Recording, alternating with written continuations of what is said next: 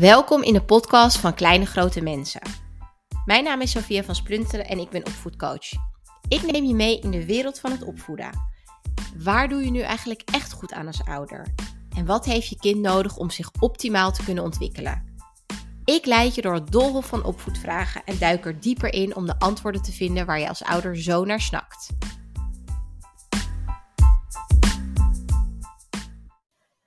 In deze aflevering ga ik het hebben over kinderen die dwars zijn. Die op alles hun kont tegen de krip gooien en op alles nee zeggen wat je van ze vraagt. Ik ga je vertellen waar dit aan kan liggen en wat je eraan kan doen als ouder. Dwarsgedrag van je kind. Hoe kan dat er ongeveer uitzien? Bijvoorbeeld dat je kind op alles wat je vraagt nee zegt. Als jij zegt doe je jas aan, nee, dat wil ik niet. We gaan nu naar de supermarkt, nee, ik wil niet mee. Wil je een brood, broodje? Nee, dat wil ik niet. Of in alles wat jij zegt dat hij juist het tegenovergestelde wil. Dit is ontzettend frustrerend als ouders. En het liefst wil je je kind gewoon echt even door elkaar rammelen van hallo, doe het gewoon. Zeg ook eens een keertje ja, werk eens een keertje mee. Die frustratie kan echt best wel hoog oplopen bij ons, omdat het heel vermoeiend is om constant strijd te moeten voeren met je kind over hele kleine dingen. Nou, wat is er nou precies aan de hand als je kind dwarsgedrag vertoont? Het is natuurlijk nooit voor niks. Kinderen doen niet dingen gewoon om vervelend te zijn of om ons te irriteren. Er zit altijd wat achter, of dit nou iets is in hun ontwikkeling of een, een, een, een fase waar ze doorheen gaan of iets in de interactie wat ze ons duidelijk willen maken. Ik ga je een aantal factoren benoemen die te maken kunnen hebben met dwarsgedrag. Ten eerste de ontwikkeling van een kind. Vanaf zeg maar het hè, tussen de 1 en de 2 gaat een kind richting het peuter zijn toe. Hè? Die gaat in de ontwikkelfase. Tussen 2 en 4 wordt een kind een peuter genoemd. En daarin is echt het ontwikkelthema is autonomie. Dus dat betekent dat een kind zich eigenlijk gaat zien als los van jou, los van een ouder. Die gaat zijn eigen individu ontwikkelen en gaat voelen: hé, hey, wat vind ik eigenlijk leuk? Wat vind ik er eigenlijk van? En dat is super gezond, want ze moeten ook zichzelf als, ja, als mens, als persoonlijkheid gaan ontwikkelen. En daar hoort dus een bepaalde. Um, het afzetten van ons als ouder bij. En daarom hoor je ook vaak de peuterpuberteit. Hè? En twee is nee omdat een kind dan door die fase moet van eigenlijk aan ons gebonden te zijn naar ik wil wat meer uh, zeggenschap hebben. Ik wil weten wat ik wil. En daarom wordt er heel vaak in die uh, jaren nee gezegd. Dus als je kind in die leeftijd zit, en dat kan ook al bij dreumissen beginnen, dat is, begint natuurlijk niet als een kind twee is. Andere kinderen hebben trouwens ook pas later, kan het ook op hun derde of pas op hun vierde gebeuren, dat ze zich een beetje af gaan zetten. Maar bedenk altijd dat dat heel erg goed is. Al is het super vermoeiend, bedenk in de essentie is het een hele belangrijke ontwikkelfase voor, kind, voor kinderen. Net als eigenlijk de puberteit, waarin je eigenlijk dat 2.0 gaat doen, waarbij je echt los gaat maken. Dit is eigenlijk nog in de kinderschoenen. Dus wat een kind in deze ontwikkelfase wil, is die wil autonomie. Die wil zeggenschap over dingen. Die wil mee kunnen bepalen. En die wil ook nee kunnen zeggen als hij nee wil zeggen. En die wil ook gewoon op de grond kunnen liggen als hij dat wil. En niet kunnen luisteren.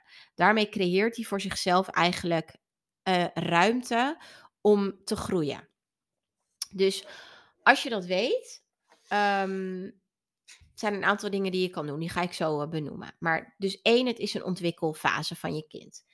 Twee, je kind kan het ook gewoon in zijn aard hebben. Dat hij um, een, een beetje tegen de richting ingaat. Hè? Het is ook temperament. Niet alle kinderen zijn meegaand en doen wat hun, kind, wat hun ouders willen. Maar je, ja, je kent vast ook wel, misschien kijk je naar jezelf, kijk naar je partner. Wat voor mensen zijn jullie? Zijn jullie mensen die uh, graag zeg maar de anderen volgen? Of zijn jullie mensen die uh, altijd ergens een mening over hebben en niet alles klakkeloos aannemen? Dus het zit ook in het karakter van het kind. En dat kan met je eigen karakter soms heel erg botsen. Als je zelf bijvoorbeeld wel heel erg bent van je moet gewoon doen wat er, wat er van je wordt gevraagd en je kind is dat niet dan kan dat een enorme clash um, veroorzaken. Maar het temperament van je kind bepaalt dus dat hij misschien in zijn, hè, uh, in, in zijn ontwikkeling ook wat meer autonomie nodig heeft. En dat hij dat echt claimt door tegen jou in te gaan of tegen je partner in te gaan. Dat is heel erg um, normaal. Alleen wel heel erg vermoeiend voor jou. Kijk, en wat dan belangrijk is, dat je ook realiseert van dat we even wat verder kijken en uitzoomen op de lange termijn. Want soms blijven we gewoon te veel hangen in het nu. Van nu is het vervelend, hoe kan ik zorgen dat mijn kind nu meewerkt? Terwijl als je even uitzoomt en denkt, oké, maar wat voor kind wil ik dat mijn kind is over 10 jaar, over 20 jaar? Dan wil je toch dat je kind ook leert om voor zichzelf op te komen. Ook leert om tegen de uh, gevestigde orde in te gaan als hij dingen zou moeten doen die, waar hij niet achter staat. Hè, denk maar aan als je kind tien jaar later, dat geef ik heel vaak als voorbeeld, op een feestje komt en iemand zegt tegen je kind van, uh, hey, wil je dit proberen? Weet ik veel, drugs of drank. En um, je kind een beetje onder druk zet. Dan wil je als ouder dat je kind sterk genoeg in zijn schoenen staat om ook hier weerstand tegen te bieden. Dus om een eigen mening te vormen, om te denken: hey, wil ik dit eigenlijk wel? Of moet ik gewoon doen wat een ander me vraagt omdat ik dat gewend ben? Dus die ruimte geven aan je kind om ook te leren om nee te zeggen is super belangrijk. Alleen lijkt het voor ons in de vroege jaren lastig, vinden we het heel moeilijk. Alleen is het wel een kwaliteit die we op de lange termijn en zeker als onze kinderen ouder worden heel erg waarderen en die super belangrijk ook is. Dus um, probeer het ook van die kant te zien, hè? dat je je kind ook wil voorbereiden op de toekomst en daarmee ook de ruimte wil geven om die nee te durven zeggen. En de plek waar ze dat doen is natuurlijk in eerste instantie thuis, is tegen ons. Als een kind leert dat hij ook tegen ons mag, uh, zich voor zichzelf mag opkomen en ergens niet mee eens mag zijn, betekent niet dat we het altijd gaan doen, maar betekent wel dat we dat niet meteen de kop indrukken en dat we zeggen dat mag. Dan kan hij dat ook op andere plekken doen. Zal hij ook in sociale setting een keertje tegen een vriendje durven zeggen: nee, dat wil ik eigenlijk niet. Want hij voelt dat mag. Ik mag dingen niet willen. Ik mag voor mezelf opkomen. Dus het is een super belangrijke eigenschap. En die wil je juist ook in kinderen stimuleren. Nou, wat tot slot kan maken dat je kind dwars doet, zijn eigenlijk twee dingen. En dat, dat is echt voor jezelf om uit te zoeken naar waar zit ik. Is dat kinderen kunnen dwars zijn. Eén, omdat er te veel grenzen eigenlijk opgelegd worden. Dus je moet het zo zien dat op een moment dat je als, als ouder heel veel nee zegt tegen je kind, dus dan bouw je een soort van hekwerk om hem heen. Dus je kind staat aan het midden, in het midden en dan komt er een hek en een hek en nog een hek totdat hij zeg maar in een vierkant staat waar hij niet meer uit kan. Dan voel je als kind, hé, hey, hier wil ik uitbreken, hier moet ik van losbreken. En dan kan het zijn dat een kind daar heel erg dwars van gaat worden. Dus als er te veel grenzen, te veel nee, dat mag niet wordt gezegd, uh, kinderen beperkte bewegingsvrijheid hebben, um, ouders bepalen wat die bijvoorbeeld wat het kind aandoet, wat het kind moet eten, hoeveel het kind moet eten. Um, heel veel orders geven, um, heel erg in een regime zitten waar een kind aan moet voldoen, dan kan het zijn dat een kind juist daardoor dwars wordt. Dwars wordt. Aan de andere kant, en dit is het lastige, omdat, nou ja, misschien herken je jezelf wel als ik dit zeg, maar aan de andere kant zit er ook dat kinderen juist grenzen gaan opzoeken op het moment dat er te weinig grenzen worden gesteld. Dus Um, we noemen het zeg maar, aan de ene kant heb je dus de, de, de, parenting, um, de parenting style van laissez-faire. Dus ik, ik laat het allemaal maar. Mijn kind moet zo vrij mogelijk opgevoed worden. Waarin we eigenlijk te weinig grenzen stellen. En aan de andere kant zit heel erg de, meer de um, autoritaire stijl. En die autoritaire stijl stelt heel veel grenzen. En de laissez-faire uh, stijl stelt heel weinig grenzen. Waardoor kinderen de grenzen gaan opzoeken. Omdat ze eigenlijk willen dat je een grens gaat stellen. Want geen grenzen voelt voor mensen, voor kinderen heel erg onveilig. Want zie je dat je in een ruimte staat, dat het heel fijn is dat er kaders zijn van muren. Waardoor je weet, oké, dit zijn de kaders waarbinnen ik kan bewegen. Die kaders hebben kinderen ook nodig. En op het moment dat ze voelen dat die er te weinig zijn, gaan ze eigenlijk dat opzoeken omdat ze willen dat je een nee zegt. En dan kan het zijn dat je kind door blijft gaan en door blijft gaan totdat je eindelijk nee durft te zeggen. Als je het gevoel hebt dat je te weinig nee zegt, Ehm, kan dit echt een reactie van je kind zijn. Van geef me die nee dan, geef me die nee. Zet een keer je voet neer en zeg gewoon nee. En dat maakt dan ook dat een kind kan uh, ontladen, zijn emoties kan ontladen. Want dat is eigenlijk wat een kind doet. Hij gaat grenzen opzoeken om zijn emoties te kunnen ontladen. En op het moment dat wij heel erg die grenzen oprekken van nee, maar dat, hè, lieverd, nee, maar goed, uh, dat mag nog even, nog even vijf minuten, et cetera. Dan gaat een kind juist um, in de contramine en gaat hij juist dat opzoeken. Dus kijk voor jezelf in deze factoren van hé, hey, wat herken ik bij mezelf? Wat herken ik bij mijn kind? En uh, waar zou het zwaartepunt kunnen liggen van het dwarse gedrag van mijn kind? Wat kan je er nou aan doen als je dit gedrag bij je kind heel erg herkent, dat dwarse gedrag, en je wordt er helemaal tureluurs van? Voordat ik je zeg maar de tips wil geven, vind ik het belangrijk om eerst even te reflecteren op wat doet het met jou? Als je merkt dat je tegen bepaalde dingen aanloopt in je kind, dwarsgedrag, um, veel nee zeggen, niet luisteren, et cetera. En je merkt dat dat echt een ding is waar je elke keer weer tegenaan loopt en heel geïrriteerd van raakt. Dan is het zo belangrijk om te kijken, wat doet het eigenlijk met jou? Wat brengt het omhoog in jou als je kind dwars is? Als je kind nee zegt? Als je kind niet meegaat? Behalve dat het natuurlijk vervelend is, ehm, kan het nog een extra lading geven, waardoor je er extra last van heeft, hebt. En dat is vaak iets dat het in ons triggert. En die triggers die zijn zo belangrijk om te onderzoeken, omdat we dan pas eigenlijk erachter komen waar het hem nou in zit. In plaats van dat ik je een kant-en-klare oplossing kan geven, gaat het vaak om een stukje dat wij meebrengen in die interactie. Dus je kind zegt daarin nee, het is altijd een wisselwerking. Je kind doet iets, jij reageert daarop en dat kan ook weer bij je kind een tegenreactie brengen. Dus op het moment dat jij heel erg moeite hebt met een kind dat nee zegt, um, het is natuurlijk normaal dat je het soms irritant kan vinden. Maar op het moment dat je voelt van hé, hey, ik voel dat, dat ik het echt me persoonlijk aantrek. Ik voel dat um, ik mijn kind een beetje in een slecht daglicht begin te zien. Van jezus, wat is hij toch irritant steeds. Oh, het is echt een, begint echt een dwars kind te worden. Of uh, er tegenop ziet om dingen te gaan ondernemen met je kind. Of um, het gevoel hebt dat je in een constante strijd zit. Dan is het echt wijsheid om echt even afstand te nemen en te gaan kijken naar welke patronen van mezelf spelen hierin mee. Uh, wat triggert het mij? Wat doet het met mij inderdaad als mijn kind dit gedrag vertoont? Wel, welke emoties maakt het dan in me los? En een hele goede om je daarbij te helpen is mijn triggergids. Daarin leg ik je eigenlijk stap voor stap uit wat je kan doen als je wordt getriggerd door je kind en als bepaald gedrag je echt tegen de borst stuit en je daar echt van ontploft en geïrriteerd raakt of je juist wil terugtrekken of het juist wil um, goed praten, voor overheen wil gaan. Dus dat je daar echt een reactie op hebt. Dan raad ik echt het aan om de triggergids te, te kopen. Die kan je uh, via de link in mijn bio op Instagram uh, kan je die bekijken. Dus vraag jezelf af en sta stil bij wat doet het eigenlijk met mij. Welke dingen kan je nou doen als je dwarsgedrag bij je kind opmerkt en daar heel erg tegenaan loopt? Nou, er zijn een aantal dingen die je kan doen die het um, makkelijker kunnen maken, die je kind gaan helpen.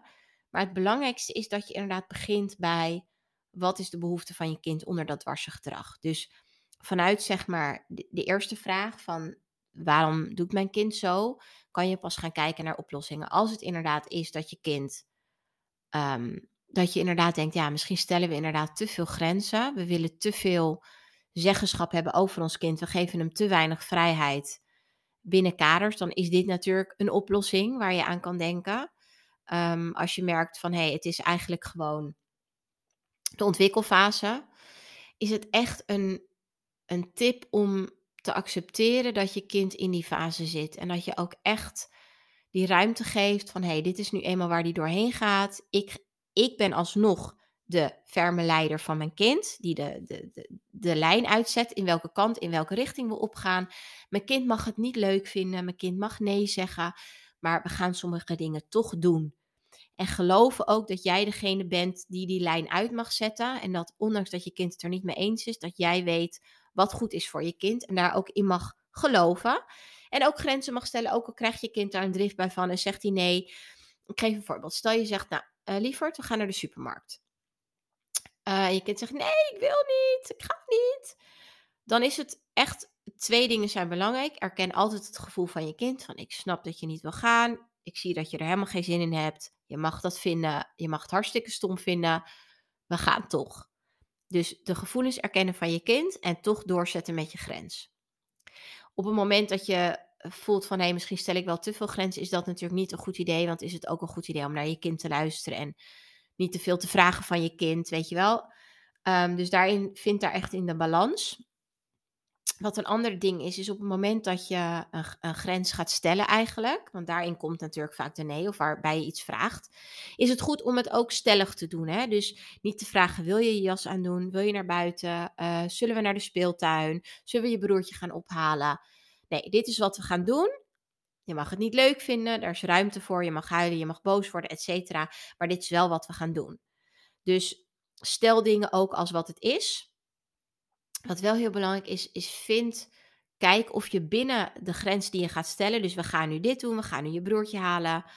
Um, vind je het fijn om met de step te gaan of met je fiets? Hè? Het is een hele klassieke, maar geef een keuze aan je kind waarbij je um, eigenlijk hem binnen de kaders die je stelt vrijheid geeft. Waarin je kind mag kiezen. En als je kind dan zegt, nee, ik wil het alle twee niet. Dan is het weer zover dat je moet denken, oh ja, mijn kind maakt nu geen keuze weer dwarsheid. Ik stel de grens. zeg ik, oké, dan gaan we met de step. Zal ik je duwen of wil je zelf steppen? Nou ja, goed, je kan erin in doorgaan. Omdat ergens, en dat is de tweede tip, wil je de ja gaan vinden. Dus vind de ja. Wat helpt is als je mm, in bijvoorbeeld het geven van aanwijzingen aan je kind, dingen die jij bijvoorbeeld niet wil, dat je aangeeft wat wel mag. Dus als je kind, als jij zegt van nou, dit mag niet, je mag niet op de bank springen, oké, mag, wat mag dan wel? Dat maakt het dat je kind toch die autonomie krijgt binnen jouw eigen grens. Je mag wel uh, met kussens op de grond en op de kussens springen. Of um, als, je, als je zegt tegen je kind, we gaan tanden poetsen. Nee, ik wil niet tanden poetsen. Kijk dan van, hey, zullen we het anders doen met een liedje? En uh, ik kan een boekje gaan lezen en dan mag jij je tanden poetsen. Waardoor je ergens een stukje vindt waar je kind invloed op heeft. Dat is eigenlijk het belangrijkste. En dat je gaat toe, toesturen naar, gaat sturen naar de ja. Waar is je kind wel uh, bereid toe? Weet je wel? En dat jij dan zegt: dit is wat we gaan doen. Binnen de grenzen mag je kind wat kiezen. En als, als, als allerlaatste is het ook zo belangrijk om de humor erin te houden, weet je wel. Als je kind op een gegeven moment zegt, nee, dat wil ik niet, nee, dat wil ik niet. En jij gaat er super hard tegenin ja, dan ongetwijfeld zit je in een machtsstrijd. En dan komt er van nee, en jij, gaat dan flippen of je partner gaat flippen. En dan komt, komt het ook niet meer goed. En wat heel goed helpt is humor, is een grapje maken. Oké, als je niet wil dat, ik je, dat we naar boven gaan, dan til ik je wel. Of dan kietel ik je wel naar boven. Of, uh, oh lieverd, je wil niet naar de speeltuin. Oké, dat mag. Nou, zullen we een, um, een wedstrijdje doen? Of wie het eerst bij de speeltuin is, wie het eerst bij de deur is. Humor is zo belangrijk. Maar we kunnen alleen maar humor ingooien als wij zelf relaxed zijn. En dan komen we weer bij punt 2. Ehm, als je weet wat het jou zo raakt, als je kind dus in de opstand komt, dan kan je pas ook, en je bent pas relaxed met de nee, dan pas kan je ook humor erin gooien. Want anders wordt het gewoon veel te zwaar. en dan lukt het je niet. En dat geeft niet, want het lukt niet altijd om humor erin te gooien. Maar het is wel goed om te voelen van, hé, hey, maar wat maakt het nou? Wat maakt het nou dat ik relaxed ben in situaties? Als je bijvoorbeeld weet, en dat is dan de, echt de allerlaatste tip, is van als je weet dat in bepaalde situaties komt er altijd die strijd. Bijvoorbeeld bij bedtijd of tijdens het eten. Hoe kan je zorgen voor jezelf dat je daar relaxed in gaat? Hoe kan je zorgen, want ik hoor heel vaak van ouders, ja, als ik goed uitgeslapen ben en als ik tijd voor mezelf neem, dan, dan gaat het goed. Maar op het moment dat ik gehaast ben, dat ik gestrest ben, dan komen we in dat heen en weer. Dus laat jezelf dan van tevoren op voor dat moeilijke moment, het bedtijdmoment, het eh, eetritueel. Dat je echt eventjes vijf minuten misschien even eh, voor jezelf neemt om eventjes tot rust te komen voordat je de kinderen ophaalt. Zodat je echt voelt dat je ontspannen die interacties ingaat. Want jouw reactie bepaalt uiteindelijk hoe het gaat. Je kind mag van alles voelen en mag van alles vinden. Mag natuurlijk niet slaan, mag, mag geen regels verbreken. Maar jij bent degene die jezelf kan controleren. En het is altijd een interactie, dus jouw kind reageert weer op jou. Dus kijk wat je kan doen om het voor jezelf relaxer te houden en dat je relaxer met die nee om kan gaan. Want dat is uiteindelijk de sleutel tot een goed contact en dat je je kind ook mee kan krijgen in de ja. Dus samenvattend, geef je kind vrijheid binnen de grenzen die jij stelt. Geef hem autonomie door keuzes te laten, te kijken wat hij wel kan binnen de grenzen die jij stelt. Uh, ga op zoek naar de ja. Uh, verwoord dingen als je wat wil zeggen, we gaan ergens heen. Verwoord het niet als een vraag, maar als een stelling. Dit is wat we gaan doen. Jij bent de ferme leider. Um, En kijk ook goed naar jezelf en wat jij nodig hebt om relaxed die interacties in te gaan en met humor het te benaderen.